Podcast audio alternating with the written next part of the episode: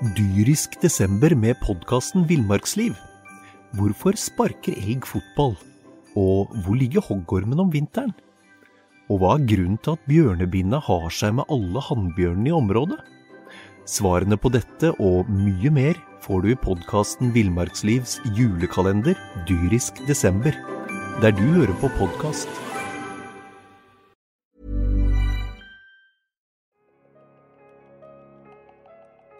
En annen problematikk at jeg ljuger om ting òg. Jeg skjønner ikke at det er feil heller. Det blir en, det blir en del av meg. Ja, hvorfor ljuger jeg på det, den lille tingen der? Som psykologen eh, sa at eh, du tror du er smart, men du er ikke smart. Det var ikke godt liv, det var en falsk fasade. Hvordan er det å leve et liv som en løgner? Hvordan klarer en mann å lure til seg mellom 15 og 20 millioner kroner fra bedrifter og privatpersoner gjennom flere år uten å bli tatt? Og hva skjer med livet ditt og deg sjøl når du blir stoppet? Angrer du? Skjønner du hva du har gjort mot bedrifter, familien din og andre privatpersoner? Thea Dokumentar skal nå fortelle deg historien om en 35 år gammel mann som i juni møter ved tiltalebenken i Telemark tingrett. Der skal han svare for grove bedragerier og underslag i millionklassen. Han har bestilt hvitevarer for flere hundre tusen uten å betale for dem. Han har brukt konens bank-ID for å ta opp lån på flere millioner kroner i hennes navn. Han har skaffet seg campingvogn og biler uten å betale, og solgt de videre for å bruke pengene selv. Og dette er bare en liten bit av alle tiltalepostene han må svare for i retten. Men hva sier han selv om alt han har gjort, og alt han er tiltalt for? Thea Dokumentar har reist til Skien fengsel for å snakke med mannen som vi har valgt å kalle supersvindleren. Du hører nå på Thea Dokumentar om supersvindleren. Vi som lager Thea Dokumentar, er Juni Vennelien Fasting Og Erik Edvardsen. Jeg har ikke noe begrep på det svindler. Og i mitt hode så har ikke jeg vært svindler. Det er eh, Jeg har vært, vært sånn eh, hele livet.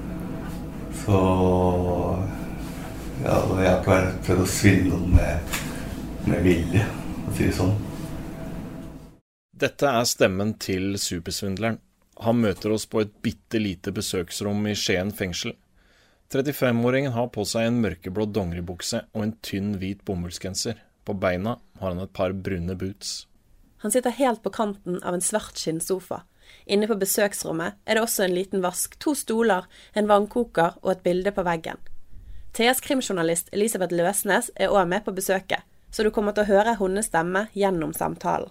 Det blir fort tydelig for oss at supersvindleren hevder at han ikke har forstått at det han har gjort har vært ulovlig.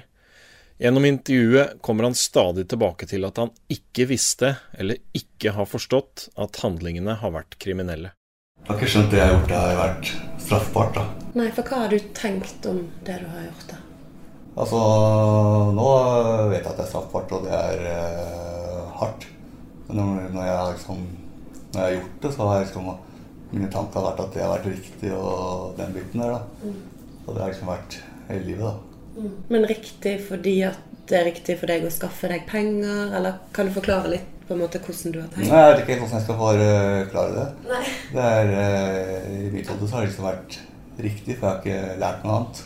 Eh, Jeg vet ikke hva jeg skal forklare det. Men dette da med, med kriminalitet, da, eh, og at du har gjort det du har gjort, på en måte Når, når du tenker tilbake nå, når var det på en måte det begynte?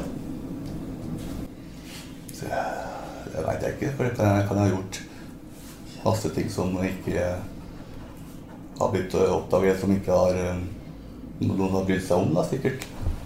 Så eh, jeg vet ikke når det egentlig starta. Så jeg vil si at den liksom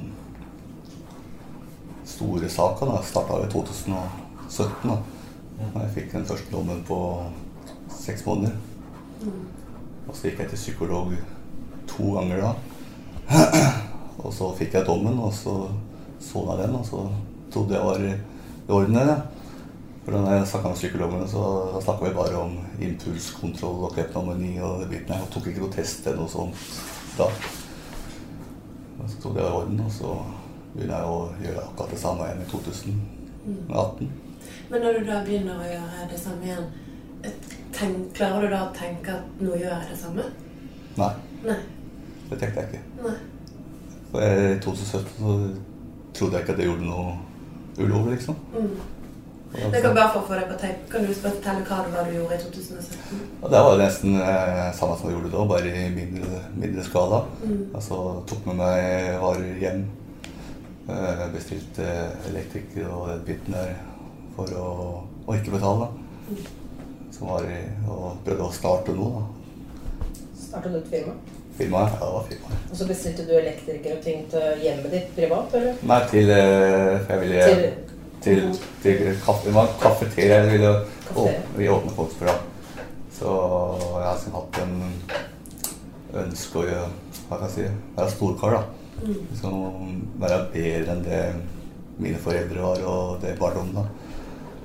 Og føle at folk trodde at jeg var lyktes, da.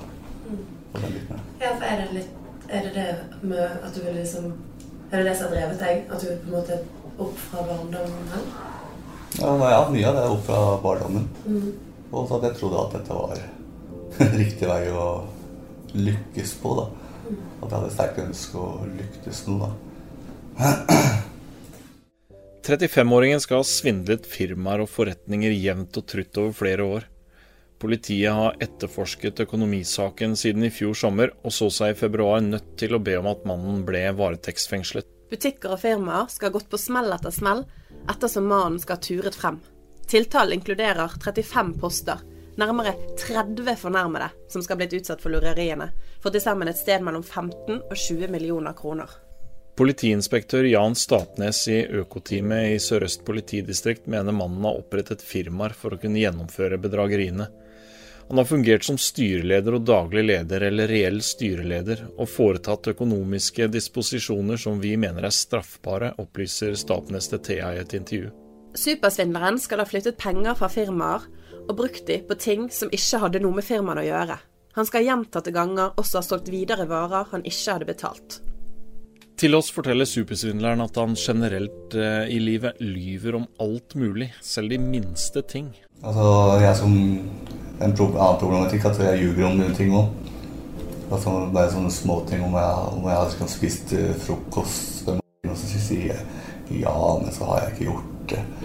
Jeg sier at eh, jeg, når kommer du hjem? Nei, jeg er i Larvik, men egentlig så er jeg i Tønsberg på vei hjem. Altså, det er ikke noe Det er små ting òg, i forhold til store ting, da. Hvorfor lyver du om det, da? Det, det vet jeg ikke. Det er noe jeg har gjort i barndom òg. Mora mi har også eh, løyet en del. Men skjønner du det i det du sier det, at dette er feil, men du står ved det, liksom? Eller? Nei, jeg skjønner ikke at det er feil heller. Det blir en, det blir en del av meg. Men hvordan vet du nå at du lyver om det, da? Nå? Ja.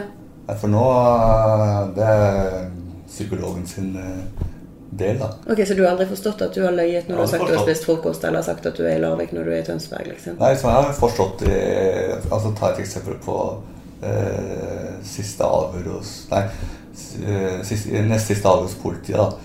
Og så for da ble, Nei, når jeg ble satt i varetekt. Jeg ble satt, satt i varetekt først, og så hadde jeg avhør etterpå, da.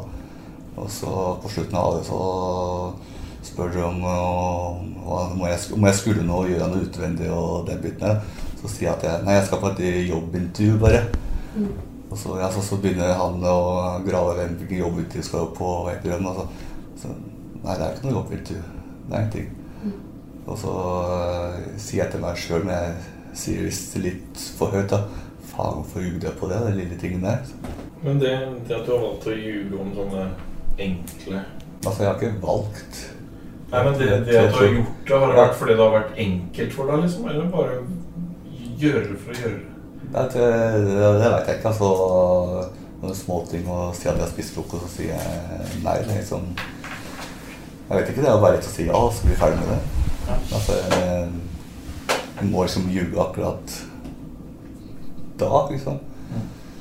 Som, som psykologen sa, at øh, selv om du ljuger, så er du veldig ærlig, Så. Så Som han sjøl sier, så lyver han mye. Det skjer nærmest på automatikk, virker det som. Vi i TA Dokumentar må her understreke at dette er 35-åringens historie, fortalt fra hans synsvinkel. Det er ikke sikkert at alt han sier er sant. Men det er heller ikke sikkert at alt han sier er usant. Dette er historien til en lystløgner. Vi lar ham starte på begynnelsen. Hvem var ham som barn? Hva og hvem formet ham i oppveksten? Hvem var du for, når du var barn, liksom? Hva type var du da? Eh, stille og rolig gutt. Jeg har eh, sosial angst. Så jeg har alltid vært, av, vært aleine, for å si det sånn. Ja, det er litt sterkt for meg å snakke om det. Akkurat det barndommen. da. Hvorfor, hvorfor det? Eh, nei, det er mye ting som har eh, skjedd, da. Den biten her. Må blitt mobba, hadde spiseforstyrrelser. Mm, ja Krangling med stefaren.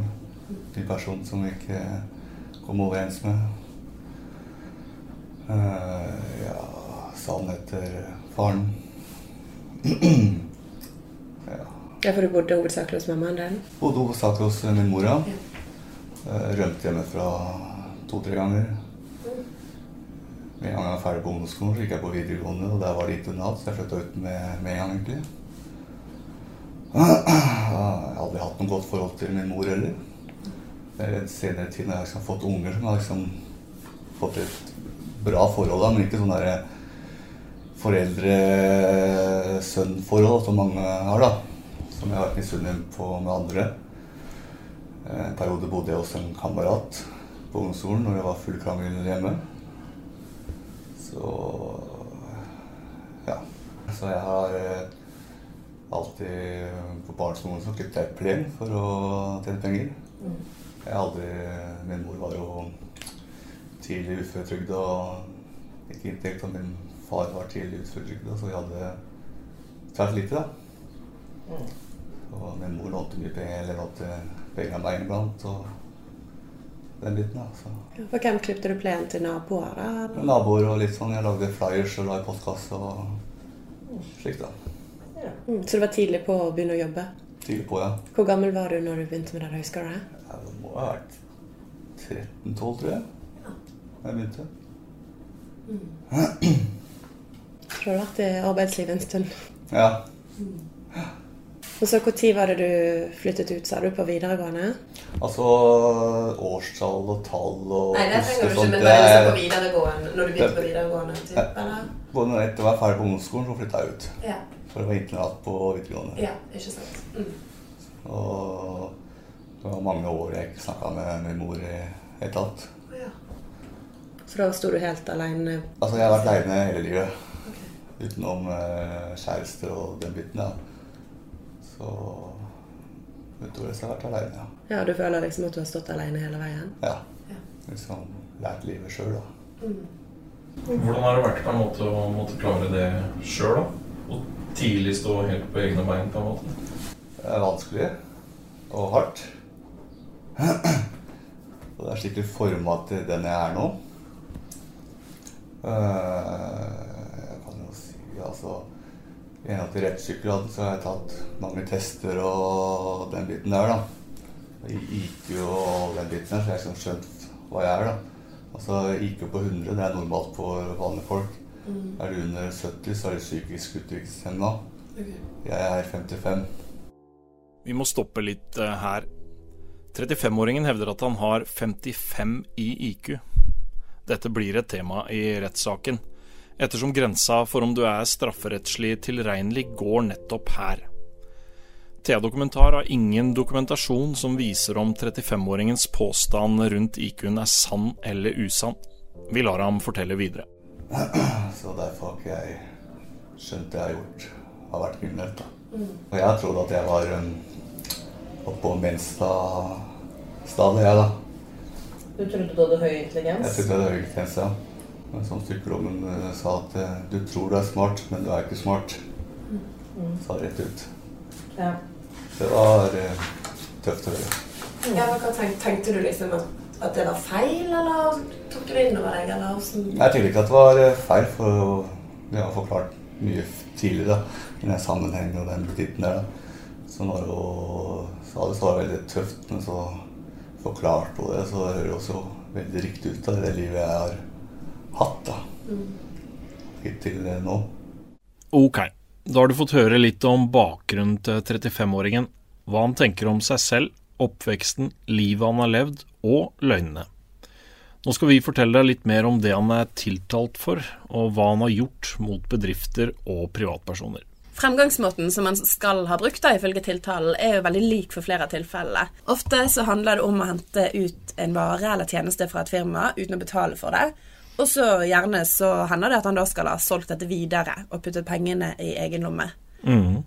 Et annet grep som man ofte skal ha tatt, er jo at han liksom bruker penger fra firmaene sine på private formål. Og det er jo ikke lov.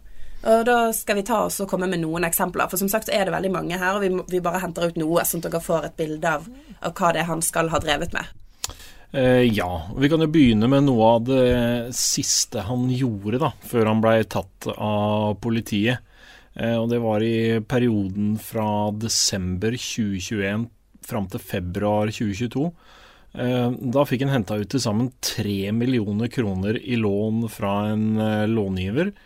Og her skal han ha brukt konas bank-ID-brikke og identiteten hennes for å få det til. Han vedla også til den søknaden her da, et fiktivt budsjett for å få ut de tre millionene. Mm, ja, dette sier du, dette er jo sannsynligvis noe av det siste han har gjort, for det er i februar var jo da han ble, ble satt i varetekt. Eh, så vi ser jo at liksom, gjennom hele tiltalen så er det det er travelt, altså. Frem til da. Til det skjer noe, skjer noe, stort sett hele tida, nesten. Mm, og et av de andre store beløpene som det er snakk om da, det er på 4,6 millioner kroner. Eh, og dette tilfellet skal ha skjedd i midten av mai i 2020. Her skal han også da ha brukt konen sin sånn ID-brikke og identitet i søknadsprosessen for å få ut eh, dette lånet. Og også da falske papirer. Her skal det være snakk om da en fiktiv barnebidragsavtale, en husleiekontrakt og en arbeidsavtale med falskt inntektsgrunnlag for å da lure banken til å, å betale ut disse millionene. Mm, de to, de to eksemplene vi har prata om der, da, det er av de eh, største, om ikke de to største, som eh, ligger i tiltalen. Men det er, det er veldig mye mer å, å ta. Eh, biler og campingvogner og slike ting f.eks. Det er noe som går igjen flere, flere steder. Uh, I midten av juni 2020 så skal han ha henta ut en campingvogn til en verdi av over 400 000 kroner hos et firma i Grenland. Uh, betaler ikke. Så går det noen måneder, uh, og han selger campingvogna videre til en privatkjøper for 235 000 kroner, og pengene putter han i egen lomme. Mm. Og så er det, som du nevnte, også biler, for å ta et eksempel på det så eh, kjøpte han da eh, en bil. Eller det vil si, han, han kjøpte den, men betalte ikke, da. Eller skal ikke ha betalt disse 430 000 kronene for en Nissan i september 2018. Men noen måneder seinere, i januar 2019, så selger han likevel bil videre til en privatperson for 400 000 kroner, da. Mm.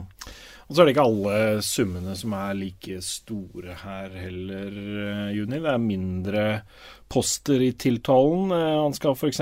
ha bestilt 15 tonn asfalt eh, hjem til seg privat. Verdi 32 500 kroner. Betaler aldri leverandøren for det. Han bestiller fem konteinere til en verdi av over 150 000 kroner. Betaler ikke men selger fire av de videre, men da kun til en brøkdel av prisen, da, sånn 60 000 eh, kroner. Mm. Og så er det noen andre transportmidler her. Eh, det var da i juli 2021. Så skal han ha lease to eh, elektriske transportsykler til en verdi av 180 000 kroner. Men her overholder han jo ikke noen nedbetalingsplan, og et halvt år seinere så skal han ha solgt den ene av disse syklene videre til en privatperson for da 80 000 kroner. Mm. Så kan vi ta med et siste eksempel på hvordan 35-åringen har operert gjennom flere år her. Da. Det er høsten 2020, så uh, skal han ha klart å hente ut hvitvarer og elektronikk for over 700 000 kroner fra en butikk i, i Grenland. Kort tid etterpå så dukker de samme varene opp på finn.no, og de blir solgt da videre for 480 000 kroner. Og det er butikken som sitter igjen med tapet her, da.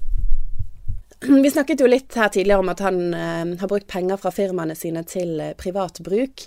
Og en av postene i tiltalen det viser at han i perioden fra april 2020 til januar 2021, altså lite år, skal da ha tatt ut til sammen eh, like over 840 000 kroner fra et av disse firmaene sine, sine kontoer, og ført over til sin egen og konens bankkonto.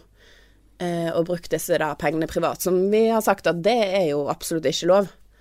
Og dette er jo da også bare et eksempel, for det er ganske mange punkter som går ut på det samme. Men det er bare for å ta en av summene, så dere forstår hva han eh, skal angivelig har drevet eh, med, da. Så nå har vi jo fått uh, fortalt dere litt om hvordan han har lurt privatpersoner og en del firmaer, som vi sier. Det er, dette er bare noen eksempler fra tiltalen som vi har uh, tatt ut her. Men nå, nå tenkte jeg at vi skal gå litt tilbake til privaten, for han har jo han har en kone, den mannen her. Uh, og vi lurer jo litt på da hva har han sagt til henne?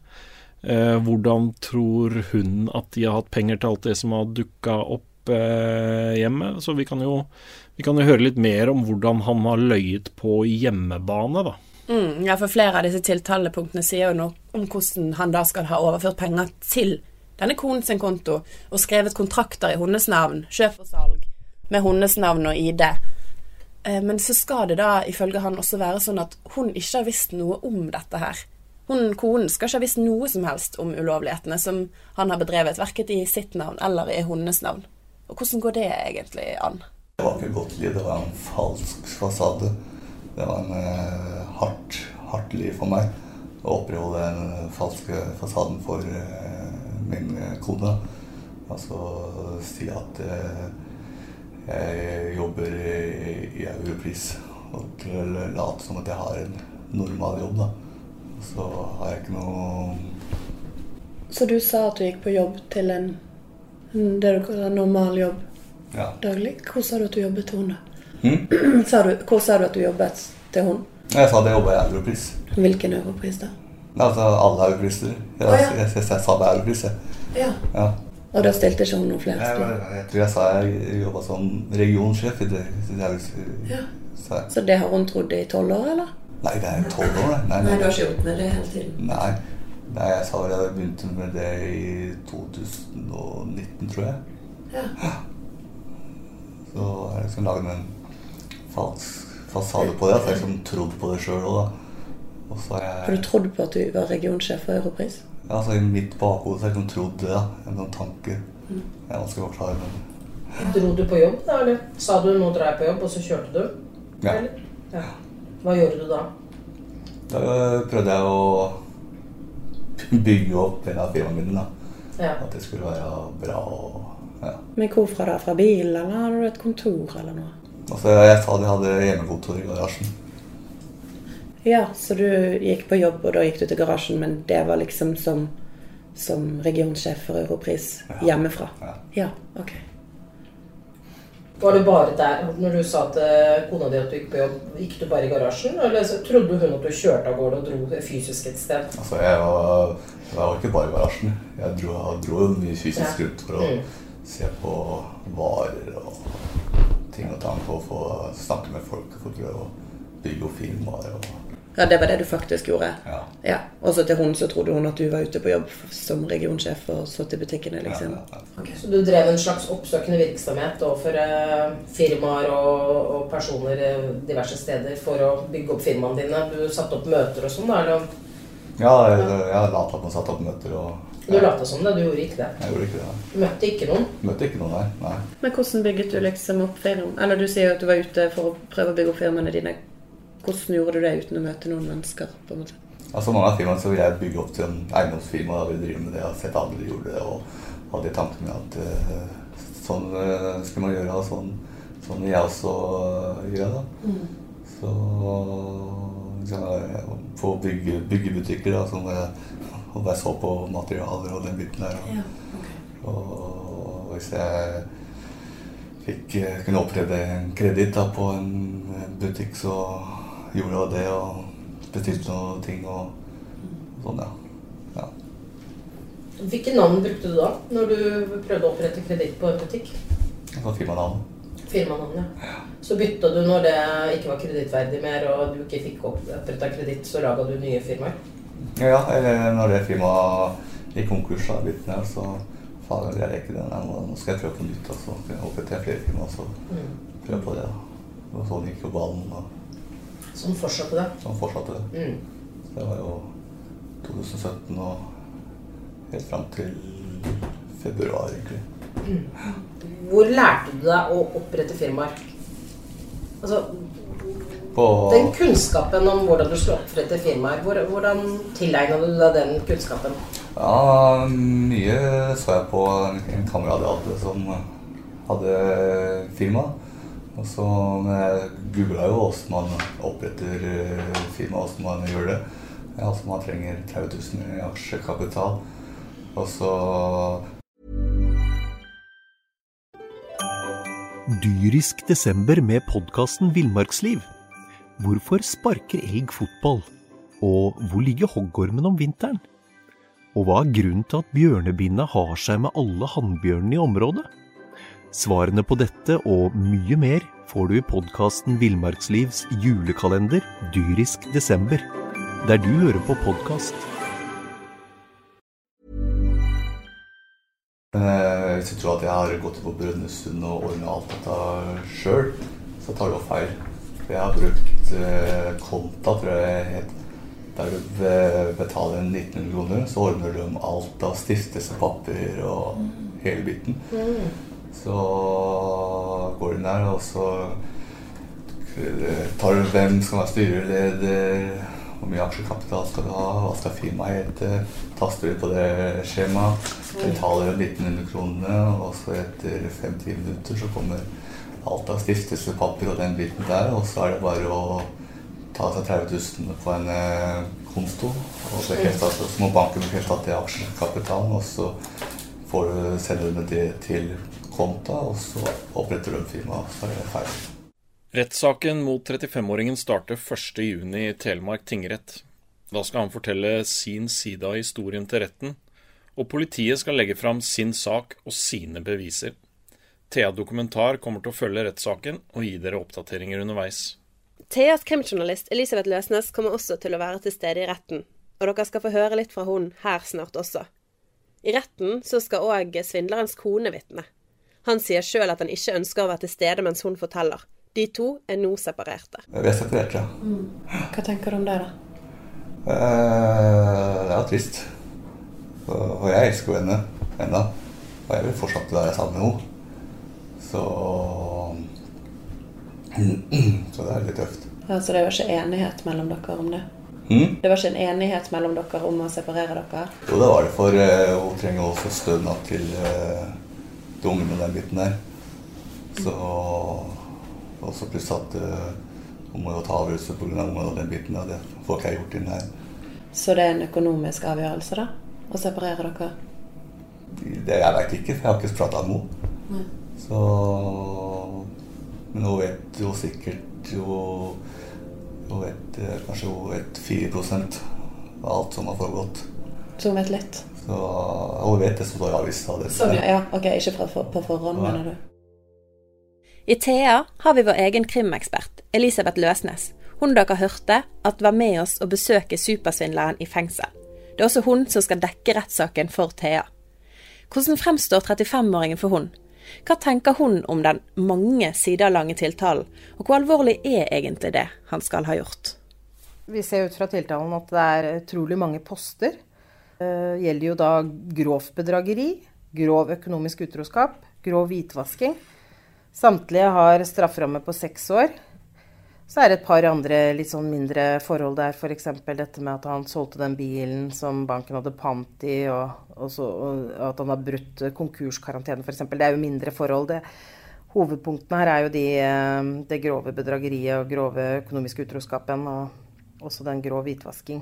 Og så eh, gjelder det jo store penger. Altså Påtalemyndigheten har jo eh, sagt at dette eh, totalt dreier seg om eh, økonomiske lovbrudd for mellom 15 og 20 millioner. Det er ganske store summer, og det er eh, i en tidsperiode fra 2018 og fram til februar 2022, altså i år, hvor han da ble varetektsfengsla. Og, hvor eh, påtalemyndigheten sa at han måtte varetektsfengsles, for de ønsket å sette en stopper for, eh, for, kriminaliteten som de mente at han eh, sto bak. Da, fordi han bare fortsatte og fortsatte.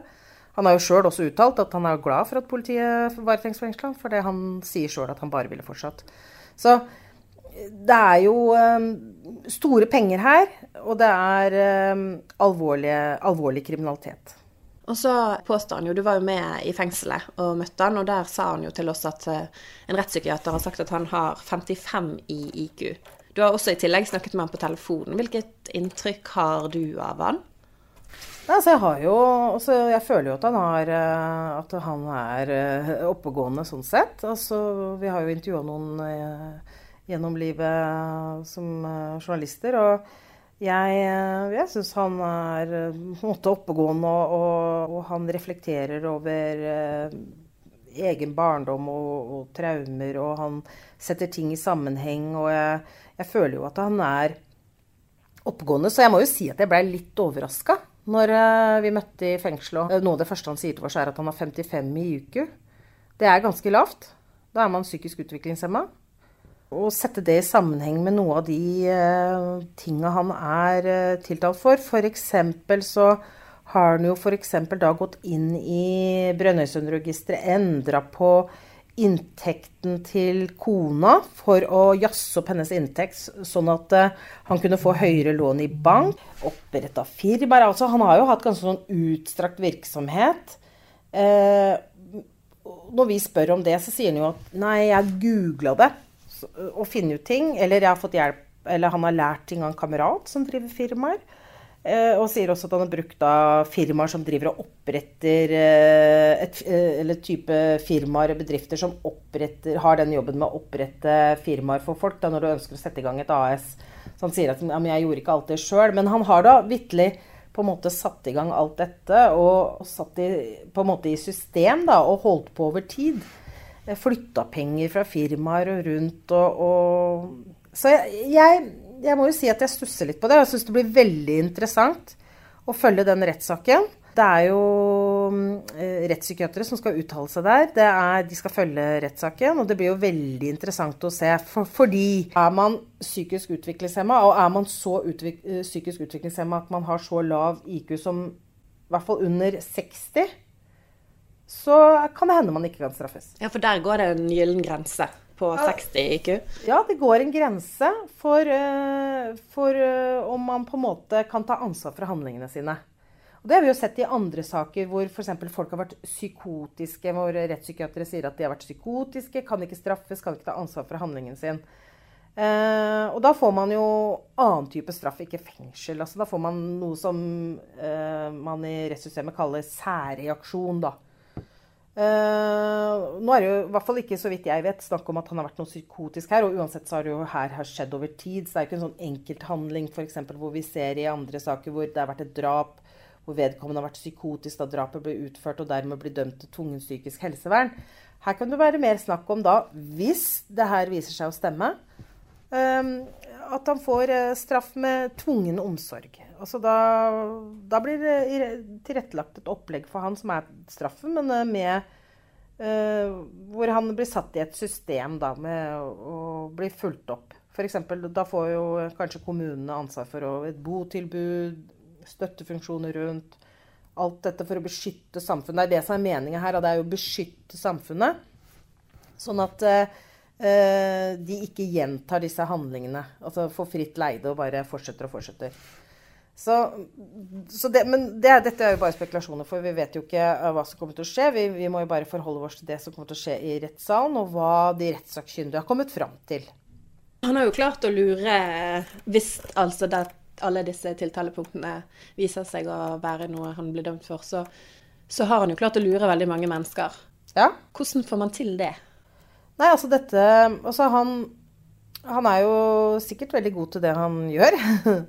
overtale folk eller uh, lure folk. Vi ser jo det, En ting er kanskje dette med banken og sånn, å forfalske dokumenter sånn at du får ut lån og de tinga der. Kan gjøres mye digitalt og sånne ting. Men det, han har jo møtt mennesker ansikt til ansikt. Vi ser jo dette med f.eks. Uh, campingvogna, bobilen, bil, dette her. Så Han er jo garantert en mann som på en måte folk får tillit til. Og det er jo nettopp dette med tillit altså i samfunnet, så, samfunnet generelt er jo på en måte tillitsbasert. altså statlige funksjoner og sånne ting. At det er, man er avhengig av tillit. Men det er jo også dette med det sosiale samspillet mellom folk. Vi tror jo det beste om folk. Du tror jo ikke at noen kommer og bare viser deg en helt falsk kvittering opp i ansiktet. Se, jeg har betalt for dette, nå skal jeg ha det. Altså, ja, du kan være mistroisk, selvfølgelig. Og det er jo lurt å være i våre dager, og særlig med digital kriminalitet og sånne ting. Så du skal være, du skal være påpasselig, du skal være aktsom. Men de fleste har jo Det å bli på en måte lyvet rett opp i ansiktet til, det er, eh, det er spesielt. Så han har jo, han jo utnytta denne tilliten da, som mennesker har til hverandre. Men har jo i arbeidet med artikler og Stå-podkasten, så har det jo kommet frem at han trolig har lurt flere enn de som, som står i tiltalen.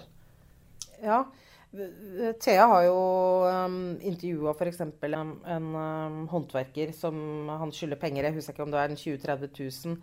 Uh, og det er jo en liten sum når vi ser uh, tiltalepostene her som dreier seg om millioner enkelte, på enkelte av postene. Men for et mindre firma så er jo det mye penger uh, å, gå glipp av uh, hvis man gjør en stor jobb. Og det er, jo, det er, jo, sånn han har på en måte drevet på. Vi, vi, vi, tror vel kanskje at det er flere også som ikke er tatt med i denne tiltalen. For det, er, det, kan jo være mange ting her som ikke er med i denne tiltalen, men som kan ha skjedd. Og det, det er jo det samme der. At man, han bestiller, og han oppfører seg på en måte som gjør at uh, man ikke tror at han ikke vil gjøre opp for seg. Altså, man gjør jo en avtale og betaler etterpå. Sånn skal det jo være. Eh, og så har han ikke betalt. Og da, da, rammer jo disse firmaene. Det har jo mye å si for et lite firma uh, å miste en så stor ordre. Det, det, går jo utover arbeidsplasser, og det rammer uh, små firmaer som kanskje får problemer, ikke sant. Sånn at det, denne type svindel og bedrageri, den rammer mange mennesker. Og er uh, sånn sett alvorlige. Og det som jeg mm, syns er liksom viktig å få fram, det er at kanskje for noen så kan det være en sånn holdning om at økonomiske lovbrudd det er ikke så farlig. Det er, liksom, det er jo ikke voldtekt, eller det er jo ikke drap. Men økonomiske lovbrudd det rammer veldig mange mennesker. Når jeg intervjua da mm, tiltalte i vår sak når han uh, satt i fengsel her for noen uker siden, så sa han til meg at jeg er jo ikke noe storkriminell. Jeg er jo ikke Ja, hva mener du med det, sier jeg. Ja, øh, ja jeg er jo ikke liksom ja, jeg mener du at du har ikke voldtatt noen eller drept noen eller begått overgrep mot barn? Ja, jeg har jo ikke det. Det er jo, liksom, det er jo bare penger.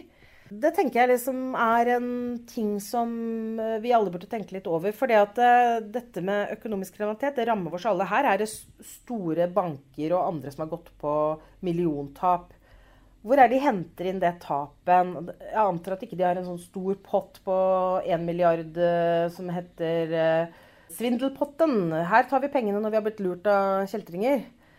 Det er vel noe at de må hente inn dette, disse tapte pengene over en øh, ja, rammer, jeg, jeg, kan tenke meg at det rammer mange mennesker. Da. Og hvem er mange mennesker? Det er deg og meg og mannen i gata, som er kunder. Som må på en måte bære det tapet. Og det samme med disse firmaene. Han oppretta jo firma til firma til firma. Det tar ikke noen skatter og avgifter til staten. Jeg vet, Da går staten glipp av inntekter. og hvem er staten? Altså staten er vårs. Det er vi som eier den lommeboka, alle sammen. Og alle disse pengene i den fellespotten de går til sykehus, de går til skoler, de går til veier. De går til alle de godene som vi har i samfunnet. Og det gjelder jevnt over på økonomiske lovbrudd. Vi ser jo at økonomiske lovbrudd også straffes hardt.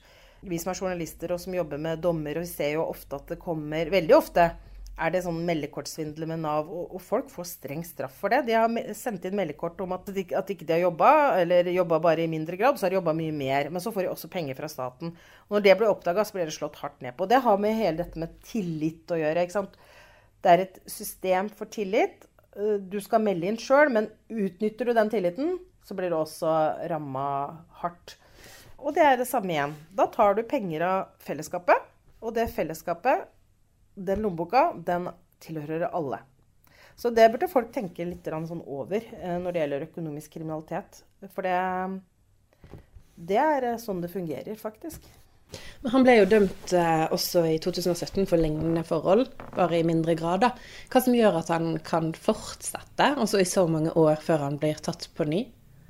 Det er jo vanskelig å si. Det kommer jo helt an på om folk anmelder, eh, anmelder bedrageri eller hvis de blir lurt eller eh, noe sånt. noe. han fikk jo, det var jo en mindre dom, et mindre bedrageri i, han ble dømt for tidligere.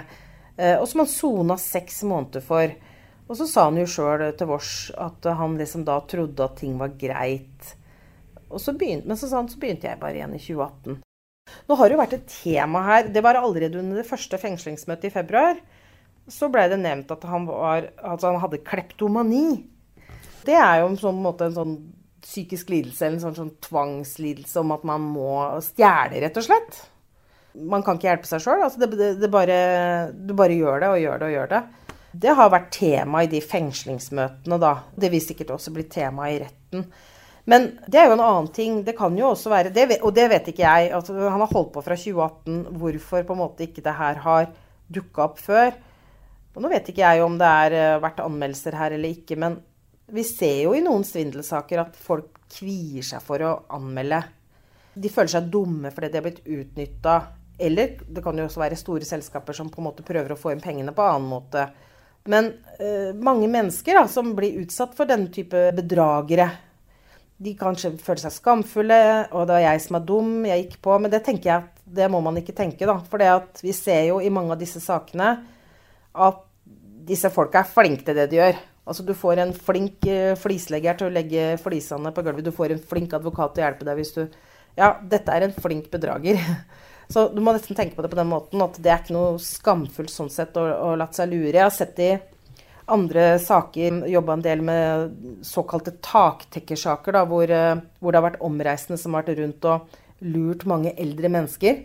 Sier at uh, huset ditt faller sammen omtrent, og taket ditt er dårlig, og vi må gjøre Og så har de rivd av og krevd penger og fått penger på forskudd. og mange av disse eldre som jeg snakka med etterpå, de, de, føler seg så dumme, da. Og så kunne jeg bli lurt og sånn. Men det er en del av jobben til bedragerne. De er kjempeflinke til å overtale folk. De er kjempeflinke til å snakke for seg. Og de, man får tillit, og de kan være hyggelige. Og man vil jo ikke tro noe gærent. Ja, for det er nok mange som ikke tenker på det at det er faktisk det som er i hermetegn da yrket deres. Kan jo se på det på den måten. Det er jobben. Hvordan blir det å følge denne rettssaken? Nå starter han jo nå 1.6 og skal gå, eller det er satt av ti dager til den? Jeg har satt av ti dager, ja. Det, det blir en lang, eh, lang, sak i retten. Og så må vi jo bare se hva som skjer. Det skal jo starte med hans forklaring etter innledningsforedrag, som er helt sånn vanlig i retten. Da, at eh, man eh, starter rettssaken, og så har aktor da et innledningsforedrag hvor man redegjør for hele saken. Og så skal da tiltalt forklare seg. Så det blir jo spennende å høre, da det jeg er spent på, er jo dette med IQ og hva sier de rettssakkyndige? Eh, hvordan vil dette påvirke saken? Er det, er det sånn at han har så lav IQ, eller, eller, spiller han rett og slett? Det vet vi ikke. Og hvis, hvis det er sånn at han er lettere psykisk utviklingshemma eller psykisk utviklingshemma, ja vel, da vil jo det få konsekvenser. Så det, alt dette her blir ganske spennende å se hvordan på en måte dagene vi går da, i rettssalen. Og det blir, jeg syns det er alltid veldig spennende å høre de, rett, de rettssakkyndige, altså her rettspsykiaterne, som skal da uttale seg om hans syke og hans uh, diagnoser og hans, hvordan dette påvirker. Det, det, det, det syns jeg er spennende, i hvert fall i, i mange saker, når, uh, når, man har det momentet, da. Ja, for her blir det ikke bare det rene skyldspørsmålet, her blir det også litt litt spørsmål om rett og slett eh, om IQ-en hans. Ja, det blir jo liksom nesten et sånn psykologisk drama i, i, rettssalen. Så for alle som er interessert i det, så vil jo det være veldig interessant å følge, da. Mm. Og du skal selvfølgelig være der og rapportere for Thea? Jeg skal være der og kommer til å skrive saker til Thea, sånn at uh, leserne kan følge med på den rettssaken. Randi Rosenquist er en av Norges mest fremtredende rettspsykiatere. Hun er kanskje aller best kjent gjennom Anders Behring Breivik-saken. Sist i forbindelse med hans søknad om prøveløslatelse fra Skien fengsel i begynnelsen av året.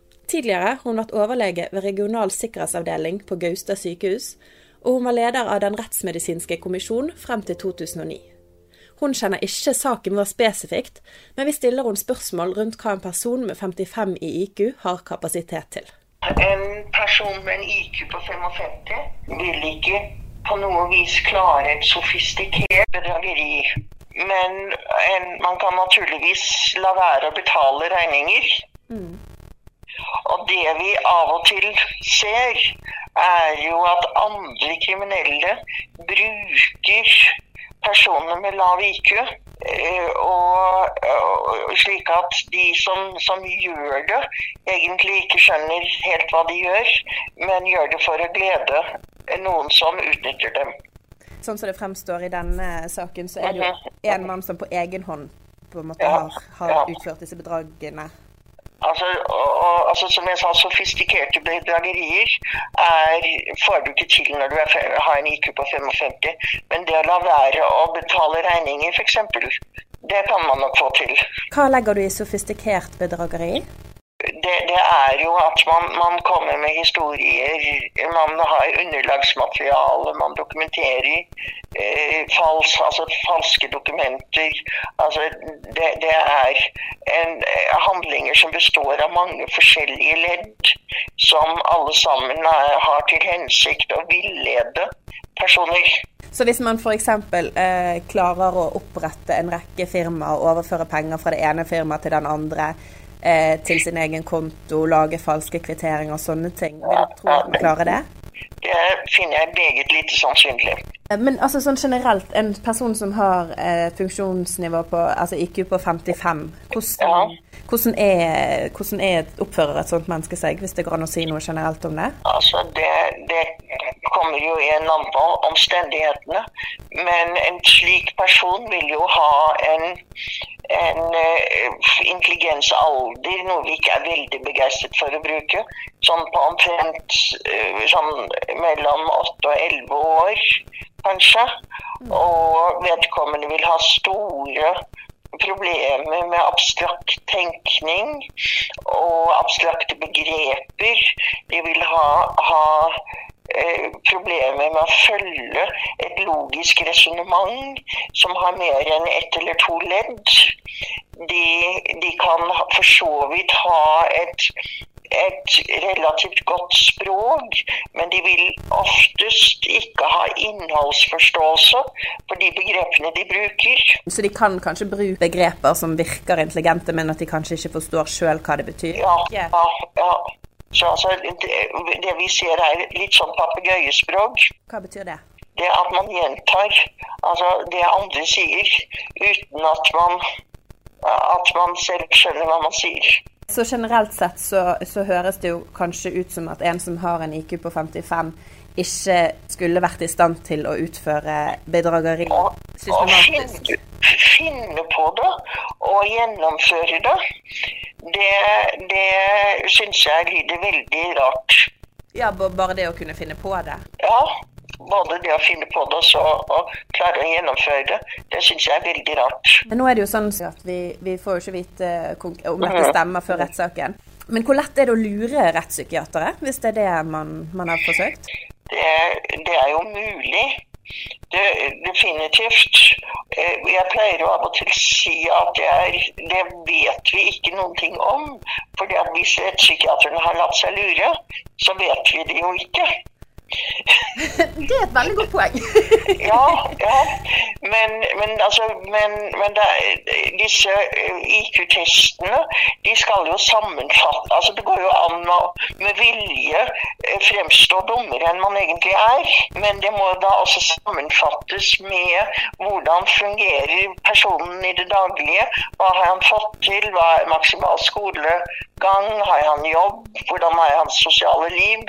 Slik at når det gjelder IQ-testing, hvis det ikke stemmer det man får på en IQ-test og sosial tilpasning for øvrig, så må jo sakkyndige stille spørsmålstegn med hva som egentlig er hva. Og jeg har jo opplevd saker hvor, hvor den, den som blir undersøkt, har scorer relativt dårlig på IQ. Og så tilsynelatende så lever han et ganske strukturert liv og velfungerende liv. Men så, og, og, hvor man har tenkt dette her kan jo ikke stemme. Og så viser det seg at han, en, en, jeg husker som liksom klarer seg selv i det daglige livet, lager mat, organiserer bank, alt sånt noe. Og så viste det seg da ved en nærmere undersøkelse at det var hjemmetjenester som, som hjalp med alt. Men den som ble testet, skjønte ikke selv at han ble hjulpet? At, at han ble hjulpet. Oi. Han, og han var, kunne steke pizza, men, men, han skjønte ikke at det var noen som da hadde gått med ham i butikken og sagt du kan jo ta den pizzaen. Og så gått med hjem og så sagt du kan jo skru på ovnen til 210 grader. Mm.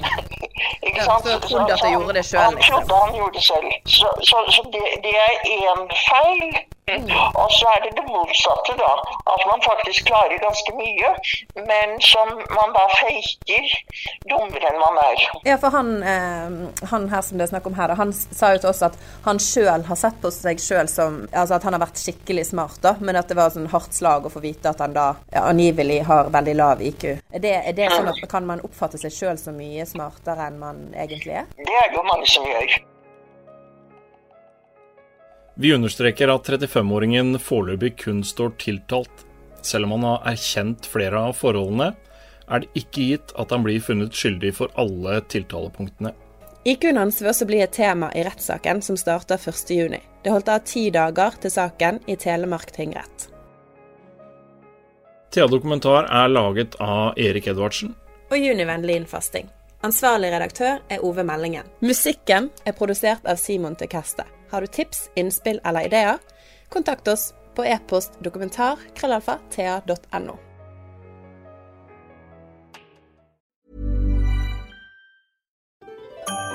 Dyrisk desember med podkasten Villmarksliv. Hvorfor sparker elg fotball? Og hvor ligger hoggormen om vinteren? Og hva er grunnen til at bjørnebinna har seg med alle hannbjørnene i området? Svarene på dette og mye mer får du i podkasten Villmarkslivs julekalender dyrisk desember, der du hører på podkast. Har du et enkeltpersonforetak eller en liten bedrift? Da er du sikkert lei av å høre meg snakke om hvor enkelt det er med kvitteringer og bilag i fiken, så vi eh, gir oss her, vi. Fordi vi liker enkelt.